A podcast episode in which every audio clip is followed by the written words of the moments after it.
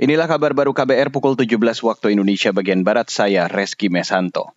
Saudara Kementerian Perdagangan berencana menyalurkan 200 juta liter minyak goreng kemasan sederhana mulai akhir pekan ini. Direktur Jenderal Perdagangan Dalam Negeri di Kementerian Perdagangan Oke Nurwan menyatakan, penyaluran tahap pertama akan menyasar ke lebih 200 pasar tradisional pantauan hingga retail modern. Harga minyak goreng kemasan sederhana dibanderol seharga Rp14.000 per liter. Semua, cuma memang dalam tahap pertama untuk percepatannya itu adalah di 216 pasar pantauan tahap pertama itu. Karena kan ini mekanismenya sedang disusun bagai ke depannya itu ada di setiap pasar tradisional.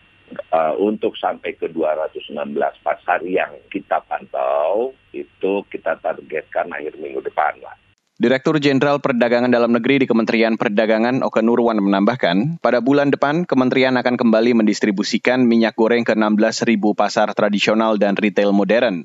Guna mendukung program ini, pemerintah menggandeng lima produsen minyak goreng besar untuk menyediakan kemasan berlabel. Perusahaan minyak goreng yang ditunjuk pemerintah kini tengah menyiapkan infrastruktur produksi dan penunjangnya. Beralih ke berita selanjutnya, Saudara. Pemerintah resmi menutup sementara masuknya warga negara asing atau WNA dari sejumlah negara dengan kategori tertentu untuk mengantisipasi penyebaran virus corona varian Omikron. Kebijakan itu ditanggapi positif oleh kalangan epidemiolog.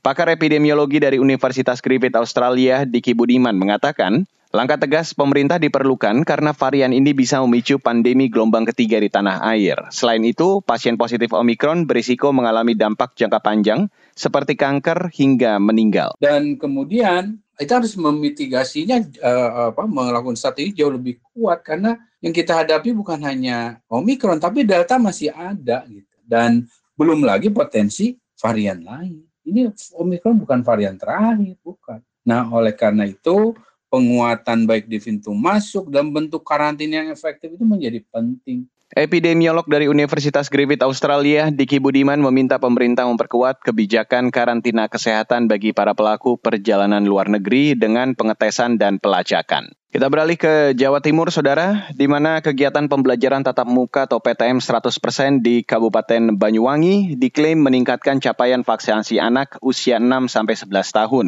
Kepala Dinas Pendidikan Banyuwangi, Suratno mengatakan, sejak pemerintah menerapkan PTM 100% pada Senin lalu, vaksinasi anak mencapai 26% dari sebelumnya 14%.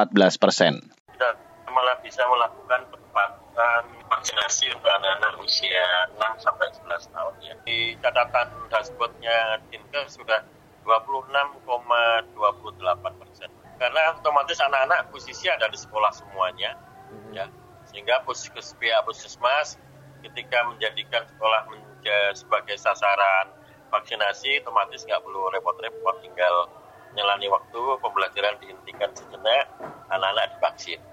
Kepala Dinas Pendidikan Banyuwangi, Suratno mengatakan, vaksinasi anak usia 6 hingga 11 tahun hingga hari ini sudah menyasar hampir 40 ribu anak dari target sekitar 145 ribu anak. Suratno optimis jika PTM 100% ini terus berlanjut, maka target vaksinasi anak bakal rampung pada bulan depan. Demikian kabar baru KBR saya Reski Mesanto.